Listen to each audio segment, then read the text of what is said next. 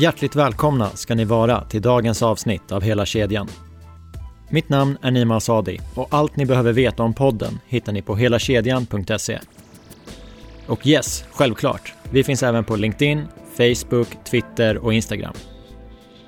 Sök på Hela kedjan eller följ länkarna som finns i avsnittsbeskrivningen så blir det rätt. Och när ni ändå är inne, glöm för guds skull inte att börja följa. Min nästa gäst är sedan 2014 stadsbyggnadsdirektör i Stockholms stad. I vårt samtal pratar vi om Stadsbyggnadskontorets ansvarsområden, samspelet med Trafikkontoret och Exploateringskontoret, mål och visioner för framtidens stad och en hel del annat spännande. Låt mig presentera Annette Scheibe Lorenzi.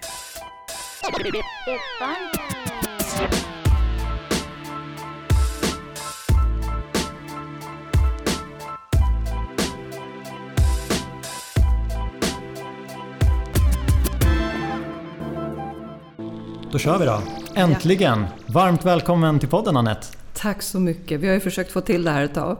Och nu sitter vi här. Tack. Mission accomplished. Snart. Ja. Om en timme. Ja, om en timme. Kan vi börja med att du berättar lite om dig själv? Mm. Eh, Anette Schreiber Lorenzi, nu är jag stadsbyggnadsdirektör. Det har jag varit i dryga sex år. Eh, men jag började faktiskt i stan redan 2001. Så att jag har haft lite olika roller. Jag har jobbat, innan dess jobbade jag på Tekniska högskolan. Och så kom jag till stan, så jag har jobbat på exploateringskontoret. Det hette inte så då, men det som nu motsvaras av exploateringskontoret. Jag har jobbat på trafikkontoret. Sen har jag varit i Kista ett tag som VD för stiftelsen Elektrum och Kista Science City. Sen gjorde jag en utflykt till staten och var länsöverdirektör. Men sen kom jag tillbaka till Stockholms stad igen som stadsbyggnadsdirektör. Och när du fick frågan om uppdraget som stadsbyggnadsdirektör, vad var det som lockade med att tacka ja? Nej men det är ju stan. Det är ju stan. Och självklart så var det liksom, jag gruvade mig lite eftersom jag inte hade varit så länge på Länsstyrelsen och inte hade hunnit egentligen uppnå det som jag tyckte vi behövde uppnå där. Men en sån där fråga får man ju inte så ofta att komma till Stockholms stad som stadsbyggnadsdirektör. Så det är klart att jag svarade ja. Vad gör man om dagarna som stadsbyggnadsdirektör? Ja, men man gör det mesta. Väldigt mycket handlar ju om att hela tiden se till att det vi bestämmer, det vi beslutar, att det löper på. Men alltså, det är en väldig blandning. Tänk, alltså, stadsbyggnadsdirektör, i det ligger ju också att vara förvaltningschef. Så det kan vara samverkan med de fackliga, det kan vara personalfrågor, det kan vara planering. Det är väldigt mycket planering inför våra stadsbyggnadsnämnder som vi har. Eh, möten förstås, styrgrupper, träffa mina kollegor. Man kan säga ingen dag är egentligen den andra lik och ändå är det som ett eh, schema man kliver in i. Alltså det finns processer som hela tiden måste rulla på. Och om vi tar själva stadsbyggnadskontoret. Hur brukar du beskriva den avdelningen? Stadsbyggnadskontoret, ja men vi jobbar med stadsutveckling och eh, planeringen helt enkelt. Vi ansvarar rent formellt för den fysiska planeringen i Stockholms stad. Vi har översiktsplaneringen, detaljplaneringen, bygglov, stadsmätningen, vi har det kommunala lantmäteriet, vi har bostadsanpassningen, vi har ju myndighetsutövning i det här förstås, men vi jobbar ju också mycket med att tillsammans med våra övriga förvaltningar och självklart med branschen samverkar vi för att utveckla Stockholm, utveckla stan. Ja, det låter spännande. Samtidigt så kan jag ju känna att när man pratar om bostadsanpassning, stadsmätning. Det är inte helt solklart för mig vad det innebär. Nej, men jag förstår det. Men om man, om man tänker det som, vi, det som syns utåt det är ju liksom vår planeringsverksamhet. Översiktsplanen, ja, men det är ju alla eh, detaljplaner, det är byggloven. Inte alla bygglov förstås, vi har cirka 7000 per år. Men de större bygglovsärenden. Och detaljplaneringen, det är ju inför eh, när vi är ute på samråd och granskning. Det är ju då alla kan lämna sina synpunkter. Så det är där vi syns. Men för att det ska vara möjligt att ta fram de här planerna och genomföra allting så krävs till exempel kommunala lantmäteriet, fastighetsbildningen. Eh, det krävs att man kan ta fram en nybyggnadskarta. Stadsmätningen har ju också ansvar för all GIS-verksamhet, vilket är ett verktyg som vi måste ha i planeringen nu. Stadsmätningen tar också fram andra eh, kart, kartverktyg, kartmodeller, 3D-modeller. Vi har all geodata, stadens samlade ansvar för geodata ligger där. Så att eh, det är inte den verksamheten som syns utåt, men vi skulle inte komma långt om vi inte hade den verksamheten också. Vi är ungefär 380 personer på stadsbyggnadskontoret och eh, 130 jobbar direkt med eh, detaljplanerna, alltså stadsplanerare. Bostadsanpassning är ju en speciell verksamhet. Det är ju ett bidrag som vi prövar för att den enskilde ska kunna bo kvar i sitt hem om man har olika man behöver olika hjälpmedel för att kunna bo kvar hemma. För många är ju stadsbyggnadskontoret synonymt med stadsutvecklingsprocessen. Ja, och, det är bra att det är så. Ja, hos mig är det så i alla fall. Mm. Nu ska inte jag tala för alla. Men om vi tar stadsutvecklingsprocessen och försöker gå igenom den kronologiskt. Så jag är intresserad av hur ser den ut i Stockholms stad och vad är stadsbyggnadskontorets roll i att driva den processen? Man tänker att det kan se lite olika ut. Våra, vi har ju översiktsplanen. Och i den har vi ju alltid pekat ut stadsutvecklingsområden, alltså de större områdena. Och där, där finns det ju, alltså där börjar vi ju gemensamt. Det är exploateringskontor. Jag säger kontor, men det är ju nämnderna som har ansvar egentligen. Eh, där börjar vi ju. Det är exploateringskontor, stadsbyggnadskontor och eh, trafikkontor eh, som börjar gemensamt. Okej, okay, hur tar vi hand om det här området? Hur sätter vi igång en stadsomvandling här? Vi har ju stan, mark som, som den användningen som hamnverksamheten till exempel, har ju spelat ut sin roll i, i de delarna, i Hammarby sjöstad till exempel. Eller som Hagastaden där det fanns en vision om att läka samman och däcka över hela den här trafikapparaten. Då är det ett gemensamt projekt som drar igång med en gemensam styrgrupp utifrån markförutsättningar. Det tas, vi tar fram ett program, men det är ju ingenting som Stadsbyggnadskontoret gör helt själva. Utan det är ju självklart ett väldigt nära samarbete med just exploateringskontoret. Som är de som driver projekten och som också eh, står mycket för genomförandet när vi har en lagakraftvunnen detaljplan. Det vill säga bygger ut allmän platsmark, gator och torg. Så att det är väldigt, väldigt nära. Men sen har vi de där mindre projekten, infillprojekten och då kan det gå till så att eh, någon aktör ute kommer, kommer med en förfrågan, ofta till eh, exploateringskontoret om det är stadens mark, annars direkt till oss. Ja, vi har den här biten, den här platsen. Vi föreslår att man använder den till någonting annat, prövar en annan markanvändning, till exempel bygger bostäder eller en idrottsplats eller en skola eller vad det nu är. Ofta är det ju bostäder. Och är det stadens mark då blir det en markanvisning och i och med markanvisningen så påbörjar vi också ett planarbete för den. Ja, vi tar ju upp en start-PM för vår nämnd som beslutar om att ja, men det här är en lämplig ändrad markanvändning. Och sen eh, rullar planarbetet på. Kommer man, är det privat mark, ja men då drar ju den här planprocessen igång direkt. Men det är väldigt sådär... Så att det ser lite olika ut beroende på vilken typ av projekt det är och var i staden vi är. Och våra större stadsutvecklingsområden, ja men som Hammarby sjöstad, där finns det lite kvar att slutföra. Men den, ett sånt stadsutvecklingsområde, det har ju hållit på länge och rullat på under liksom en väldigt lång period. Och utbyggnaden av norra Djurgårdsstaden och Hagastaden kommer ju också pågå länge. Slakthusområdet är ju ett av våra nya, nyare, ska jag säga. Eh, det startar ju förstås liksom med ja, men hur ser markförhållandena ut, vilka delar äger stan? Hur, hur, vi tar fram ett program och det här programmet eh, görs ju självklart också i samarbete med främst exploateringskontoret. För att få fram liksom, ja, men en övergripande gestaltningsidé. Hur ska det se ut? Hur ska området utvecklas? Vilket innehåll vill vi ha i slakthusområdet? Det är ju så många delar. Och nu är vi ju...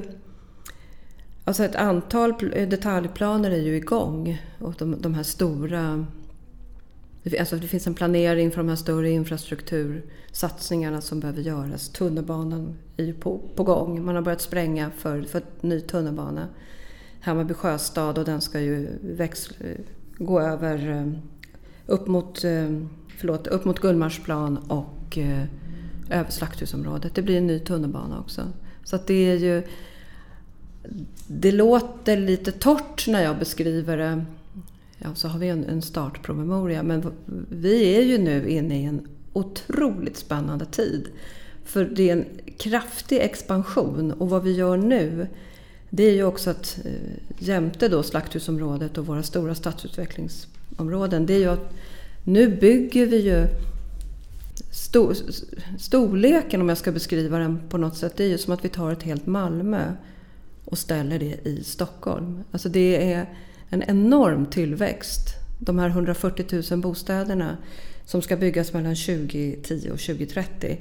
Och så addera till för det är ju miljöer vi bygger. Det är liksom stadsdelar, det är skolor, förskolor, idrottsplatser, det är parker, det är service. Alltså allt det där. Det är, en, alltså, det är helt otroligt att få vara med om det. Jag har också förstått att det är en viss skillnad på stora projekt och små projekt. Men om vi väljer ett av dem och då är det lätt att välja stora projekt. Då är det fler som vet eh, vad det är vi pratar om. Det här sättet som ni samarbetar på mm. idag. Stadsbyggnadskontoret, exploateringskontoret och trafikkontoret. Är det ett arbetssätt ni haft under lång tid? Eller har det samspelet knådats fram på senare år? Vi har haft det under en lång tid. Det har sett lite olika ut men det beror ju också på att staden har omorganiserats vid några tillfällen. Tidigare fanns ju gatu och fastighetskontoret som hade både exploatering, trafik och fastighet. Men samarbetet mellan stadsbyggnad och de delarna som jag nu beskrev har ju alltid varit väldigt tätt och nära. Eh, det finns ju också, alltså det gjordes väl också kanske för en 10-15 år sedan, togs fram en så, mer processbeskrivning. Vem gör vad? Vilken förvaltning ansvarar för vad i vilken del av den här långa processen?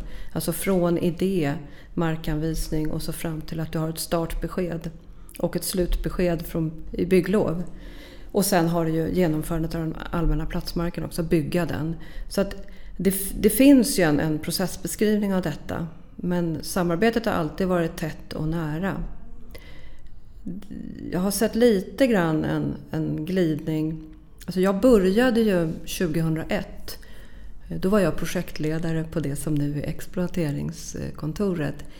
Då, då var som projektledarrollen var mycket tydligare. Där ser jag mer nu att det finns en jämbördighet.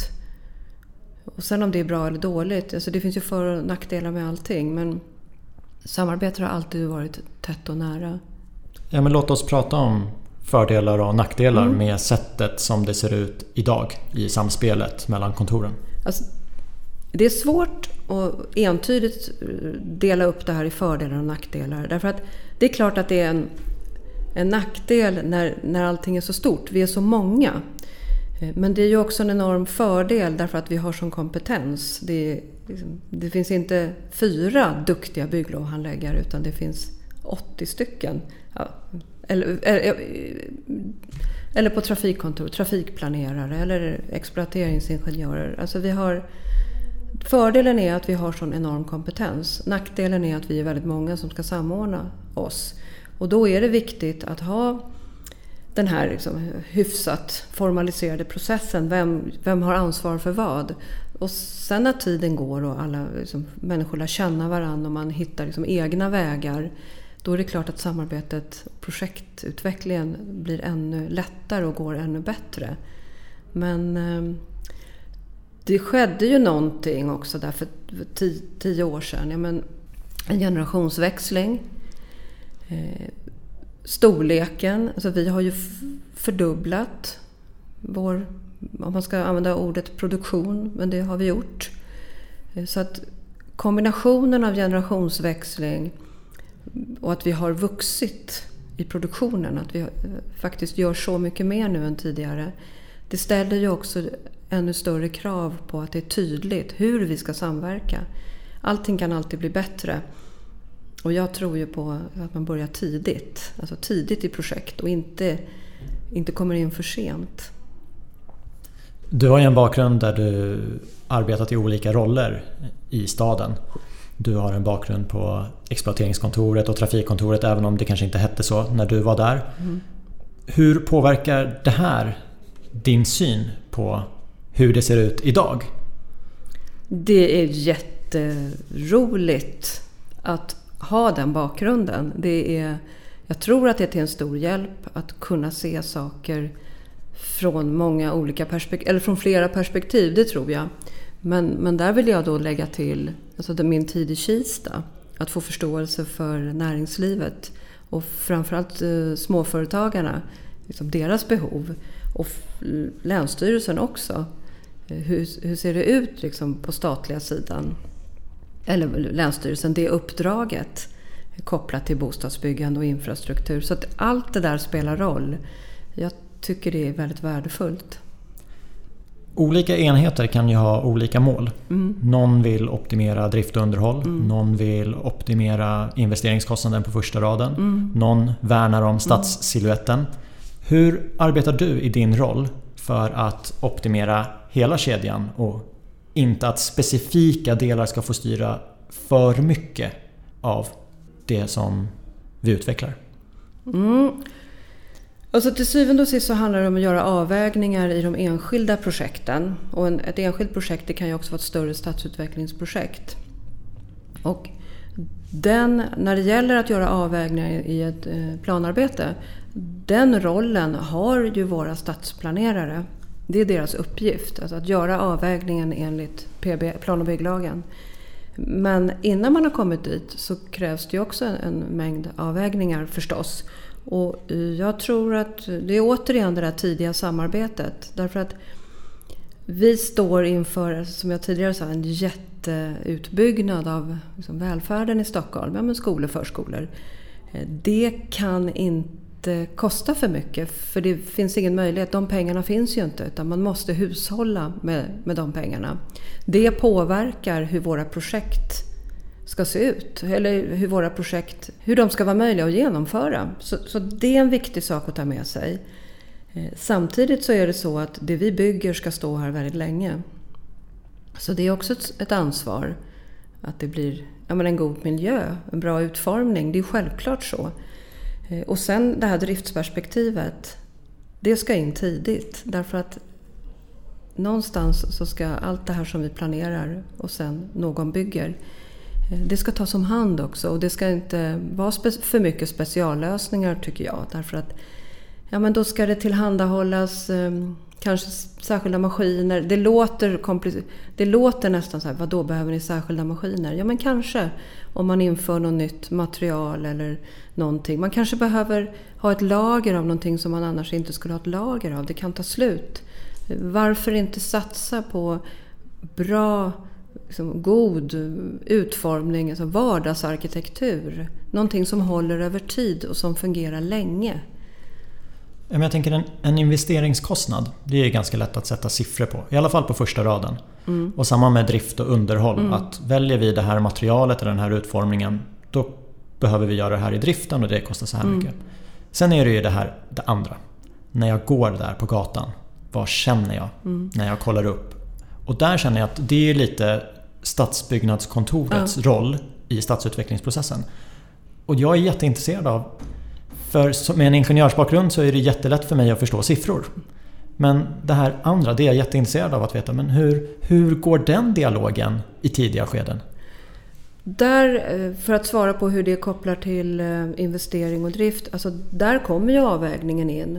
Men, men återigen, är man med från i tidiga skeden Alltså, god utformning och kvalitet. Har man med det från början och vet, liksom, har gemensamma projektmål och vet ganska tidigt. Sen händer det saker under processen. Man, vi kan få in remissvar, vi behöver knåda. Men om man har en hyfsad gemensam bild från början så brukar det inte vara så stora problem. Du, du har platsen, vad fungerar på platsen?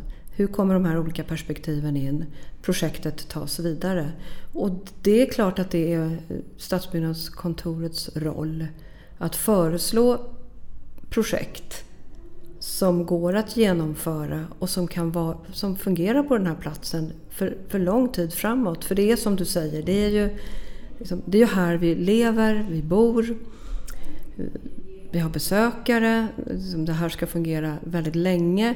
Jag jobbade under ett antal år tillsammans med en professor som sa att, han, han pratade alltid om genomförandefrågor, men han sa också att ja, ja, gatukostnaderna fördelar vi eh, under ett år byggnaderna står där sen 100-150 år förhoppningsvis. Alltså, man får ju fundera noga på det där. Jag, jag, jag, tycker att vi håller på nu att bli tydligare. Det ingår lite grann så här, när jag fick uppdraget. Nu har det gått en ganska lång tid som jag har jobbat här. Men man, jag brukar försöka formulera mig som ett år i taget. Vad ska, vi, vad ska genomföras det här året? Och vad kommer nästa år? Och nu är vi det som vi håller på med nu, som vi började med 20, 2016 egentligen, 2017 med en ny översiktsplan. Och vi tar det vidare nu med strategier för stadens gestaltning. Så att det ska bli mycket tydligare, inte bara för oss som jobbar på Stadsbyggnadskontoret utan för alla. Som ja, branschen, aktörer, systerförvaltningar. Vad är, det vi, vad är det vi ser framför oss? Hur ska stan se ut? Och det är ju det som började med översiktsplanen, riksintressebilagan, alltså det vill säga hur, hur Stockholm, hur vi tolkar riksintresset här.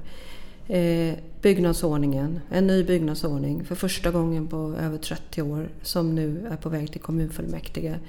Vi är precis mitt i arbetet med en arkitekturpolicy för Stockholm och vi håller på med strategier för hur våra villastäder och småhusområden ska utvecklas. Alltså det, det tar tid, men det beror också på att vi vill inkludera många i det här arbetet. Det är ingenting som vi bara vill sitta och göra själva på kontoret utan det, det ska vara en bred inkludering det vi håller på med.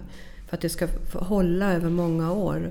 Jag är faktiskt riktigt stolt över det arbetet. Ja, jag tänker att utmaningen är ju inte bara kopplad till staden utan det är ju många företag som, som har den utmaningen i och med att det kan vara olika affärsområden. Mm. Företaget vill bygga hållbara samhällen men det är en byggavdelning, det är en utvecklingsavdelning mm. och de har olika plånböcker. Och det är lite det jag tänker i stadsutvecklingsprocessen. För som boende i staden så tänker jag en stad, en plånbok. Det gör jag också. Men i projekten mm. kan det ju lätt bli att trafikkontorets plånbok, ja, men den kanske mäts på driften. Och det är en skillnad på om det kostar 200 eller 300. Exploateringskontoret, ja men kostar investeringen en miljon idag eller 1,1? Eh, och så stadsbyggnadskontorets vision. Och jag tänker, hur kan man se till så att Ja, trafikkontoret, det blev lite dyrare i driften. Men kolla, vi ska fira hur bra slutprodukten blev. Det är där jag tror att med, en, med tydlig samverkan och att tidigt sätta upp mål för ett projekt så behöver det inte bli dyrare. Därför att vi kan utgå ifrån, liksom, nu är jag där igen, det här med liksom, goda material som håller över tid. Alltså vardags... Jag använder ordet vardagsarkitektur. Det ska vara kvalitet som håller över lång tid. Det behöver inte vara något flashigt som kostar extra och som står fem år. Utan gå runt i våra... Gå runt i stan. Det finns ju om man tittar... Det finns eh, jättefina exempel. Jag, jag går ofta runt och tittar. Eh, ja, men för att se lite hur blev det här projektet och vad tänker de sig här? Och, och, och det, det, är mycket som är kvar från när de här områdena byggdes. Alltså 40, 50, 60-tal. Superkvaliteter som fortfarande står sig. Det är så vi ska tänka. Jag brukar också gå runt i stan mm. och jag brukar nog tänka lite som du att mm. oj vad vackert det här är. Men en tanke som smiter in lite då och då är varför byggs det inte så idag? Kan inte du känna det? Men, men gör det inte det? Inte husen tycker jag. Ja, men tänk så här, vi, vi kommer från en tid, vi har... Just nu så är vi liksom i ett, ett utsnitt av tiden. Sen kommer nästa generation eller nästa gäng som ska ta över. och ta det här vidare, det som vi har gjort nu. Och all, var, var tid sätter ju sin prägel. Det är, en del säger årsringar, men man kan prata om någon slags mosaik om man tittar hur stan är byggd. Och alltså, en stad har ju alltid utvecklats. Alltså från allra första början så har Stockholm alltid utvecklats. Det är ju någon slags... Det står Stockholm för. Men vad jag, vad jag vill känna liksom, när jag tittar tillbaka sen, det är ju att okej, okay, vi var där, vi, det var den här tiden. Så att vi, vi har utvecklat Stockholm, vi har åstadkommit så många fler ja, men bostäder till exempel, eller skolor som det behövs. Eh, men, och, och staden är delvis ny, men vi känner igen oss hela tiden. Det är ju så det alltid har varit i Stockholm. Någonting nytt har kommit, men vi känner igen oss. Och här, den här utvecklingen, det är ju den också som kännetecknar liksom en dynamisk stad. Om, om Stockholm är en liten storstad, brukar jag tänka, det, det kan ju aldrig stå still.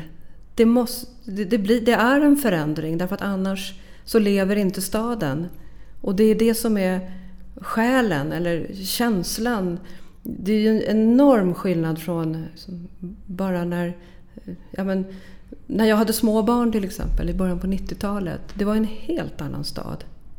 Det går inte att jämföra. Det är en stor skillnad och så ska det vara. Det är så, så, mycket, så många fler människor. Eh, det var en ganska tyst och sluten stad. Sen kom alla uteserveringar, ja, restauranglivet, allt det där Tittar man på gamla bilder, det, det fanns inte på det sättet. Sen brukar jag tänka ibland, och jag är inte riktigt seriös nu, men när, när det blev rökförbud på alla krogar, ja men då flyttade ännu mer av det livet ut på gatorna och även vintertid. Och det, är liksom, det var inte så förr. Och det är väldigt härligt. Det är någonting nytt. Eller parkerna. Eller bara cyklisterna. Jag cyklade även vintertid på 90-talet. Och det var inte många cyklister som, som jag mötte. Vi var säkert många, men det var inte många jag mötte när jag cyklade till och från jobbet på vintern. Nu är det ju liksom normalt. Det är ju en trängsel även på vintern på cykelbanorna. Och mycket folk i våra parker och det är härligt. Det är stadsliv. Och nu är vi ju i en speciell period. Men det kommer komma tillbaka. Jag gillar verkligen årsringar-metaforen. För Ja, men gillar du inte förändringen också? Att det liksom händer någonting och att vi tar en promenad och oj, här, här har det hänt någonting. Det är någonting nytt. Och det lever vidare. Tänk om det alltid skulle vara... Nej men det, är, det är dynamik, det är utveckling. Och så ska vi ta hand om det vi har. Så att när vi tittar tillbaka, ja men vi känner igen oss. Det är, liksom, det, är det som är så härligt med, med Stockholm. Absolut. Och jag eh, har lite svårt att sätta ord på mina starka känslor för den här staden. Jag tycker Stockholm är hur vackert som helst. Ja. Och det ska inte bli för mycket Stockholmskärlek i, i det här avsnittet. Nej. Men, jag håller i mig. Men sen så tänker jag också på när du berättade nu att ibland kanske man inte ser helt klart när man är mitt i det. Så om tio år när jag går förbi det här mm. kvarteret mm. och funderar kring varför byggde de inte det här kvarteret som 1910? Ja, men det är för att 2010 mm. var en jäkla bra årgång. Så det hoppas jag. Mm. Och sen är det ju också det är miljöer, det är stadsdelar, det är, det är inte bara de enstaka husen utan det ska hänga ihop på ett bra sätt också. Det det är också en utmaning för Stadsbyggnadskontoret att kommunicera ut det. Mm, det är det. Vi är ju mycket ute med eh, enskilda projekt i våra planer. Eh, när vi gjorde översiktsplanen då hade vi ett av de största samråd som någonsin har genomförts i stan. Men det är tyvärr inte möjligt att göra i varje plan. Vi försöker, vi hittar nya sätt för det är viktigt att nå dem som kanske normalt inte uttalar sig eller kommer med synpunkter. Vi provar olika digitala verktyg, att det ska vara lätt.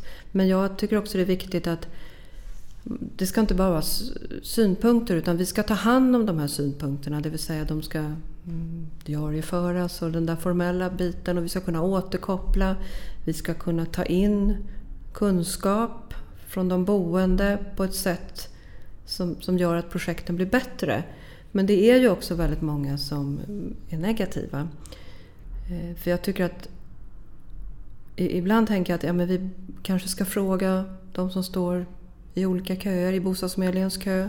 Kanske ska eh, fråga några som står där. Vad tycker du om att vi bygger här i Björkhagen, eh, nära tunnelbanan och går och cyklar till stan? Tycker du att det är bra?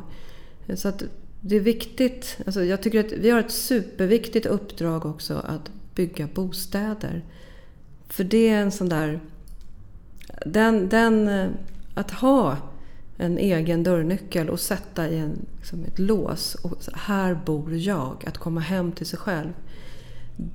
Det är jätteviktigt. Det är ett av våra viktigaste uppdrag. Och det ska vi göra i den här kontexten, liksom översiktsplanen, så ska staden växa. Och hur ska den göra det? Jo, enligt byggnadsordning och en kommande arkitekturpolicy. Men till syvende och sist, den ska växa. Vi måste få, få, få bukt så gott det bara går med bostadsbristen. Det är jätteviktigt. Du har ju varit stadsbyggnadsdirektör sedan 2014. Mm. Hur intresserad är allmänheten av det som händer i staden? Jätteintresserad skulle jag säga. Vi får jättemycket synpunkter såklart. Tyvärr så tror jag att det är många som tycker det är angeläget att vi ser till att skapa förutsättningar för att bygga bostäder. Att göra alla de här planerna. Eh, men de hör vi inte lika mycket. Utan det, det, det finns... Och alla ska, alltså, det här måste debatteras. Frågan om hur liksom, Stockholm ska växa och hur, Stockholm, ja, hur, hur, hur det faktiskt ska bli, vår fysiska miljö. Det är klart att man ska diskutera och debattera det, det är jätteviktigt. Men eh, ibland så slår det över. Så jag har haft stadsplanerare som har blivit hotade. Jag har, vi har haft tegelstenar liksom, som har kastats in genom rutor. Men det, det blir... Det väcker väldigt mycket känslor och ibland tycker jag det går överstyr. Men jag tänker, det är ingenting som ni hittar på själva. Det finns ju en vision med Stockholm. Mm. Och ni är en del i att förverkliga den visionen. Mm. Ja, absolut. Men, men är det så. Men det är också så att väldigt, väldigt många som jobbar här på stadsbyggnadskontoret är ju de som möter medborgarna. Det blir ju så. Inför det här mötet så var jag inne på stockholm.se och klickade runt lite. Och jag upplever att det är ganska lätt att tycka till om man vill. Men några som kanske inte har egna datorer och smartphones är ju barnen. Mm. Och jag vet ju inte vad en tioåring idag tänker om framtiden. Det kanske de inte vet själva. Men hur jobbar ni med att få in barnens perspektiv i utvecklingen av staden? Och jag tror att en tioåring vet ganska mycket om det område där han eller hon bor. Vi har jobbat i vissa projekt ganska mycket med att få in just barnperspektivet. Till exempel i det här breda samrådet som vi hade kring översiktsplanen. Men också i Fokus Skärholmen. Vi har några projekt till. Men barnkonventionen blev ju lag 1 januari. Och eh, vi har nu barnkonsekvensanalyser. Det har vi liksom med som ett led. Det finns en process och den har vi tillsammans med exploateringskontoret. Men det är ju inte barnet utan det är ju just någon som är expert på att göra de där analyserna. Men jag, det finns mycket mer att göra men jag tycker ändå att vi är på god väg. Ja, det känns ju tryggt att det är med. Mm. Stadsbyggnadsdirektör sedan 2014. Vad har du fokuserat mest på? Jag, jag har ju bytt jobb några gånger och ser det där mönstret. Så självklart gjorde jag, när jag började på stadsbyggnadskontoret, gjorde jag ungefär som jag har gjort tidigare. Jag tar liksom ett vitt ark. Vad behöver jag fokusera på utifrån uppdraget och utifrån var kontoret befinner sig, i det här fallet då stadsbyggnadskontoret. Och uppdraget är ju tydligt, för det är ju det politiska uppdraget från våra uppdragsgivare. Det formuleras ju allra tydligast i eh, kommunfullmäktiges budget. Och i det här fallet på SBK så handlade det om att kraftigt få upp volymerna i bostadsbyggandet och med allt som hör till, skolor, förskolor och så vidare. Eh, så det var ett stort arbete. Men också börja formulera den här gemensamma vägen framåt för stadsbyggnadskontoret. Att vi liksom i ett kontor få ihop hela kedjan. Från översiktsplan till detaljplan till bygglov. Säkra kvaliteterna. Så att liksom, det inte blir stuprör utan säkra kvaliteterna mellan processerna. Det, är i sig, det var i sig och är ett stort arbete. Eh, och sen självklart den här kvalitetsfrågan som började med en ny översiktsplan, Riksintressebilagan, byggnadsordning, arkitekturpolicy, strategi för villastäder och sen olika vägledningar som jag ser framför mig att vi kanske kan ha möjlighet att göra nästa år. Så att jag har förmånen, jag jobbar med väldigt smarta och kreativa människor här på kontoret. Och eh, jag är väldigt stolt över vad vi har uppnått. Liksom, vi, tar, vi tar ett år i taget och, och så går det framåt. Och det är... Eh, ja, men det, det, är några saker kvar. Jag tycker att vi behöver ta digitaliseringen på bygglov i hamn. Och den är på väg. Men det finns många beroenden och det är just det här också att staden är så stor. Det, det går inte att göra enskilt utan det ska också synkas med liksom, IT-plattformar och annat så att det blir robust och hållbart. Men ja, det, jag, har, jag har ett väldigt roligt jobb. Jag har ett jätteroligt jobb. Du nämnde digitalisering. Är det den största utmaningen på ditt bord just nu? Alltså det, det är en av utmaningarna. Och den största utmaningen det är att fortsätta hålla uppe takten. Jag tycker det är så viktigt att vi fortsätter hålla uppe en hög takt i bostadsbyggandet. Eh, vi bygger ju inte utan vi tar ju fram förutsättningarna, det vill säga planerna. Och just nu har vi en planberedskap som är... Alltså vi har 22 000 bostäder i laga kraftvunna detaljplaner. Så att det finns en väldigt stor planberedskap. Men de ska ju bli verklighet också. Det ska ju byggas. Anette, vi börjar närma oss slutet. Och en slutfråga som är återkommande i poddserien är Om du och jag träffas om tio år, vad kommer vi då att prata om? Jo, men då ska vi ta en promenad. Eh, lång promenad. Och så ska vi konstatera så mycket nytt. Så bra det har blivit. Och vad vi känner igen oss i vårt Stockholm. Det ska vi göra då. Det ser jag fram emot. Mm, jag med. Jag, jag, då har jag gått i pension. Vi kan ses för det. Ja, ja. Jag har ju hur mycket tid som helst då. Tack för att du gästade podden idag. Tack för att jag fick komma.